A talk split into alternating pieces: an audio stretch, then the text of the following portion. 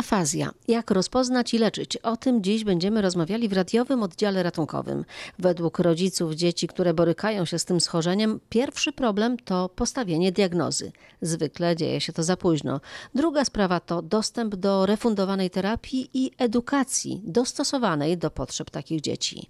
Mama ośmioletniej Helenki z Wrocławia opowiada, jak wygląda rzeczywistość. Córka moja urodziła się jako wcześniak. Helenka jest pod opieką ponad 10 poradni specjalistycznych, ale to nie było takie oczywiste na samym początku. Najpierw zaczęłyśmy pracę z neurologopedą, neurologiem. Zaskoczeniem było dla mnie to, że dziecko dostało 10 punktów w skali Apgar, waga wyjściowa 3 kg, więc no taki naprawdę fajny noworodek. W pierwszej kolejności to była taka mm, terapia Bobat i masaż Chantala. Później Hela z uwagi na to, że musiałam wrócić do pracy, poszła do żłobka. Tu już miała 16 miesięcy notabene żłobek terapeutyczny, gdzie nie zwrócono kompletnie uwagi na jej potrzeby. To też było dla mnie takie ogromne zaskoczenie.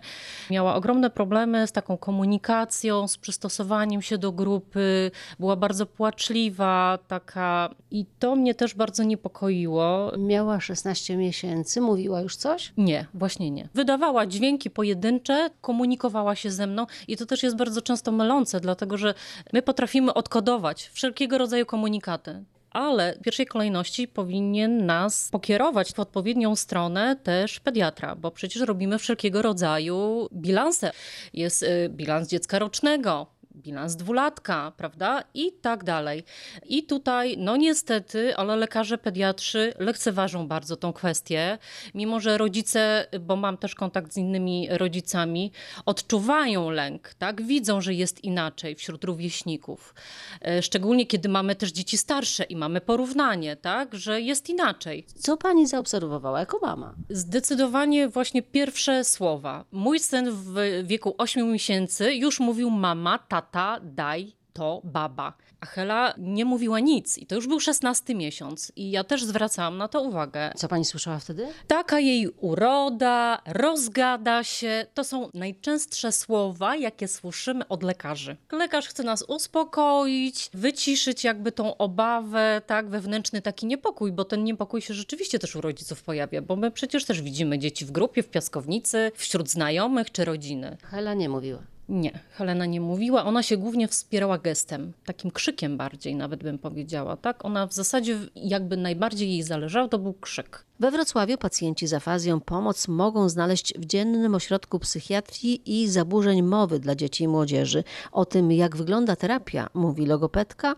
Marta Okupnik. Do nas tutaj pacjentów przychodzi bardzo dużo z tym zaburzeniem mowy. I ta diagnoza to jest pierwsza rzecz. Bardzo wielu rodziców mówi o tym, że mieli problemy z rozpoznaniem afazji. Jakie są te pierwsze sygnały, żeby rodzic też mógł na przykład wpaść na taki pomysł, aha, może to jest afazja. Kłopot polega trochę w tym, że początkowo te pierwsze objawy są często jakby pomijane. Często też lekarze pediatrzy mówią, żeby dać dziecku czas, że jeszcze zacznie mówić, że jeszcze być może to, to nie jest kwestia tego, a tak naprawdę już drugi rok życia, kiedy coś się dzieje, kiedy właśnie dziecko nie mówi, nie rozumie prostych komunikatów, to jest taki sygnał, żeby wdrożyć tą diagnostykę i poszukać przyczyn, y, o co tak naprawdę chodzi w tym, w tym zaburzeniu rozwoju. W jakim okresie ono normalnie powinno zacząć mówić, a w jakim już powinniśmy się niepokoić? No tak naprawdę pierwszy rok życia to pojawiają się już właśnie te pierwsze wyrazy. Mama, tata, bam, wyrażenia dźwiękonaśladowcze. Jeżeli tego nie ma, jeżeli wcześniej przed pierwszym rokiem życia też nie pojawiają się jakieś sylaby właśnie ba, ma,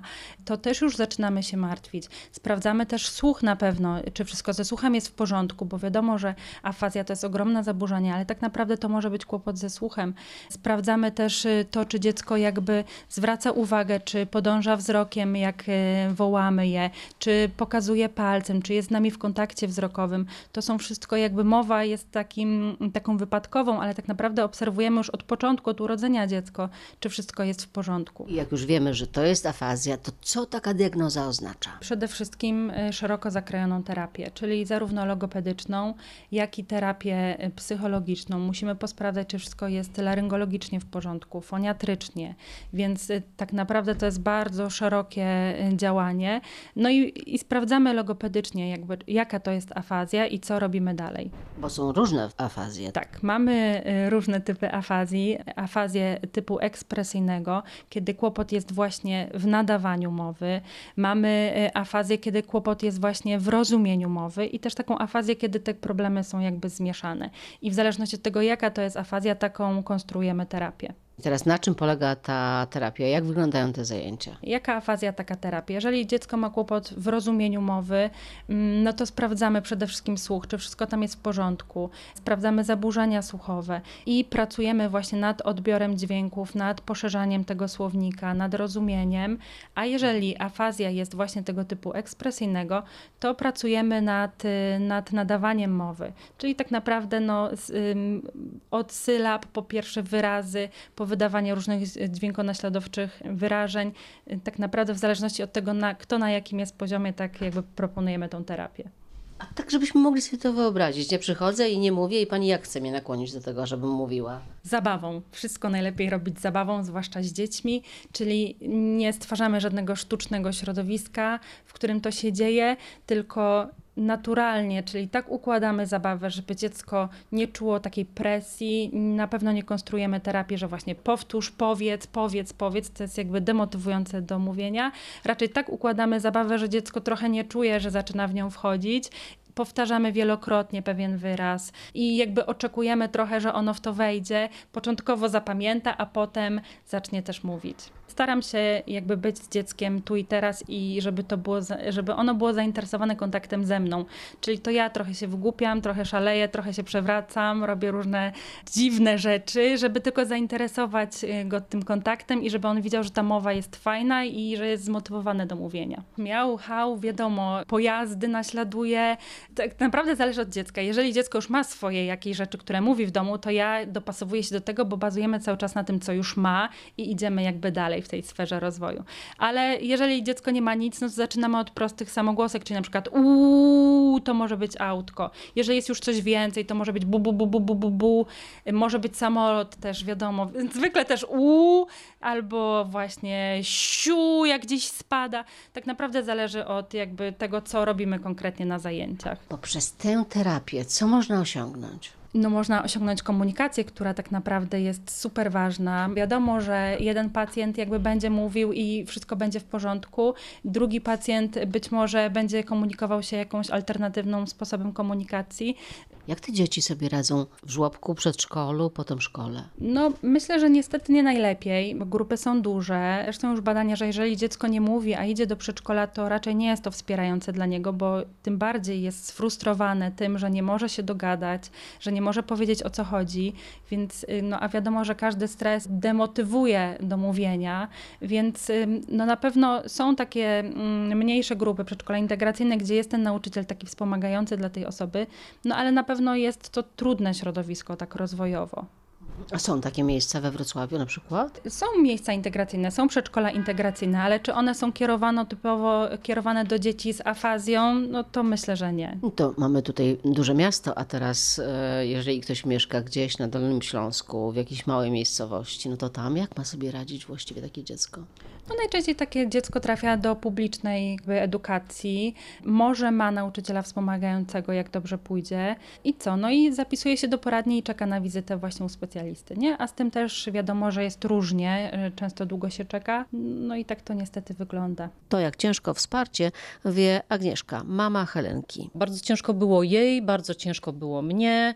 Panie zgłaszały te trudności w aklimatyzacji dziecka. To trwało ponad rok i y, mnie to strasznie męczyło. I stwierdziłam, że zmieniam placówkę. Hela już wtedy była dzieckiem dwu i półrocznym. Dzięki temu, że jesteśmy pod wielospecjalistyczną opieką, to endokrynolog zwrócił na to uwagę. I dzięki temu mogłam zacząć terapię mojego dziecka. W ramach wczesnego wspomagania rozwoju jest przewidziana ilość godzin i terapeutów, które będzie realizować e, to orzeczenie. Natomiast jeżeli rzeczywiście dziecko ma o wiele większe potrzeby, to wtedy rodzice niestety są zobligowani do tego, żeby płacić za te zajęcia. Pani wspominała mi we wcześniejszej rozmowie, że początkowo zdiagnozowano co innego u córki. Te dzieci są postrzegane jako kłopot kłopotliwe, niegrzeczne, leniwe, nieprzystosowane. Też zaczyna się, e, że tak powiem, diagnostyka w kierunku autyzmu. Was też tak diagnozowano? Tak, oczywiście, sugerowano. Mówiła Pani, że we Wrocławiu był pewien problem z tym, żeby uzyskać tę diagnozę. Pojechała Pani do Warszawy, tak? Dlaczego do Warszawy, dlaczego nie tu? Było tyle rozbieżnych informacji. Dla mnie to było bardzo niepokojące, że tak naprawdę jednoznacznie nie można było y, tego określić, więc y, dostałam y, taką informację też z portalu internetowego, który też serdecznie polecam. Dla wszystkich rodziców, którzy mają niedosyt i y, problem, tak, tutaj jeżeli chodzi o afazję, opóźniony rozwój mowy, to jest portal Afazja i opóźniony rozwój mowy. Jest to portal, który wspiera rodziców przede wszystkim, specjalistów, terapeutów oraz nauczycieli. Zarejestrowałam moją córkę do pani profesor Maryniak w Warszawie. Przy takiej bardzo wnikliwej e, diagnozie zdecydowanie autyzm został wykluczony. Wrocław nie ma takiego ośrodka, gdzie rodzic mógłby przyjść z dzieckiem i od początku do końca zdiagnozować dziecko pod kątem afazji, żeby nie pomylić. Ile Wam to zajęło? No w zasadzie dwa i pół roku, no, a później jeszcze trwała droga do y, uzyskania tego dokumentu, czyli wczesnego wspomagania rozwoju, który pozwoliłby jej no, na tą terapię. A jak jest z dostępem do żłobków, przedszkoli, szkół, w których takie dzieci znajdą odpowiednią opiekę? No niestety we Wrocławiu nie ma przedszkoli, a tym bardziej szkół dedykowanych y, dla dzieci z afazją. Niestety bardzo ubolewam nad tym, jak szereg innych rodziców, y, że taki jak Kraków, Warszawa, Poznań czy Łódź mają fantastycznie zaopiekowane dzieci. Y, Szkoły są dedykowane z wyspecjalizowaną kadrą, z wsparciem dla tych dzieciaczków właśnie. Niestety Wrocław nie posiada takiej placówki, co jest ogromnym zaskoczeniem, bo tych dzieci myślę, że jest naprawdę bardzo dużo. Jak niezdiagnozowanych i zdiagnozowanych, to nie mają możliwości na prawidłowy rozwój. Teraz córka ile ma? W tej chwili ma 8 lat. I to już jest okres szkolny. Gdzie chodzi do szkoły? Córka z uwagi na afazję, tak jak rozmawiamy, jest dzieckiem odroczonym. Odroczona to znaczy, że jeszcze nie poszła do szkoły? Tak, dokładnie, idzie od września. Gdzie idzie? No właśnie, z uwagi na to, że wyboru nie ma, do szkoły iść musi, to idzie do szkoły integracyjnej, do klasy integracyjnej, bo niestety nie mamy innego wyboru, mimo prób, mimo tego, że dziecko jest pięknie wyprowadzone, terapeutyzowane przez tyle lat, jest dzieckiem wysoko funkcjonującym, zaopiekowanym, no to placówki niepubliczne, a było ich sześć, bo było sześć rozmów w każdej ze szkół z dyrektorem szkoły. Za każdym razem nam odmawiano przyjęcia Heleny do szkoły z uwagi na kształcenie specjalne i wsparcie, bo niestety dzieci nasze wymagają wsparcia nauczyciela czy pedagoga specjalnego. I tutaj zamyka się droga dla tych dzieci. One nie mają możliwości e, rozwoju w normalnym przepraszam, w zdrowym środowisku, takim, które też daje im wiele możliwości.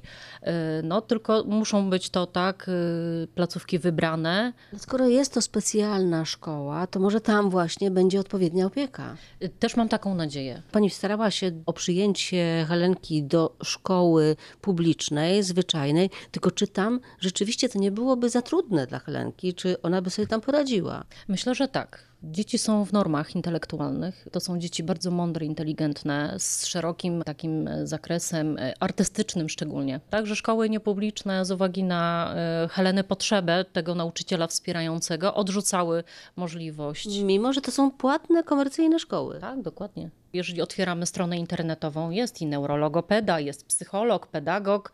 Mimo wszystko y, no, spotykamy się z odmową. Co udało Wam się osiągnąć poprzez właśnie terapię? Dzięki terapii neurologopedycznej, psychologicznej, terapii SI, czyli integracji sensorycznej, Helena zrobiła ogromne postępy. Od dziecka nie mówiącego prawie nic. Ja teraz powiem, że no, buzia jej się nie zamyka. Jest y, dzieckiem pogodnym, otwartym, radosnym, y, takim nastawionym właśnie na zdobywanie tak, tych kontaktów, przyjaciół. Widać tak, że terapie y, zdecydowanie przynoszą fantastyczne efekty. Już po naszym spotkaniu pani Agnieszka przysłała mi fragment rozmowy z córką podczas wycieczki statkiem. Na pewno watę cukrową, przy walce cukrowej będę sobie dotykać wodę. I bardzo Cię kocham, mamo. To jest mój najlepszy dzień ever. Takie efekty można osiągnąć dzięki kompleksowej terapii. Tym bardziej warto się nią zainteresować. W radiowym oddziale ratunkowym dziś to już wszystko. Elżbieta Osowicz, do usłyszenia.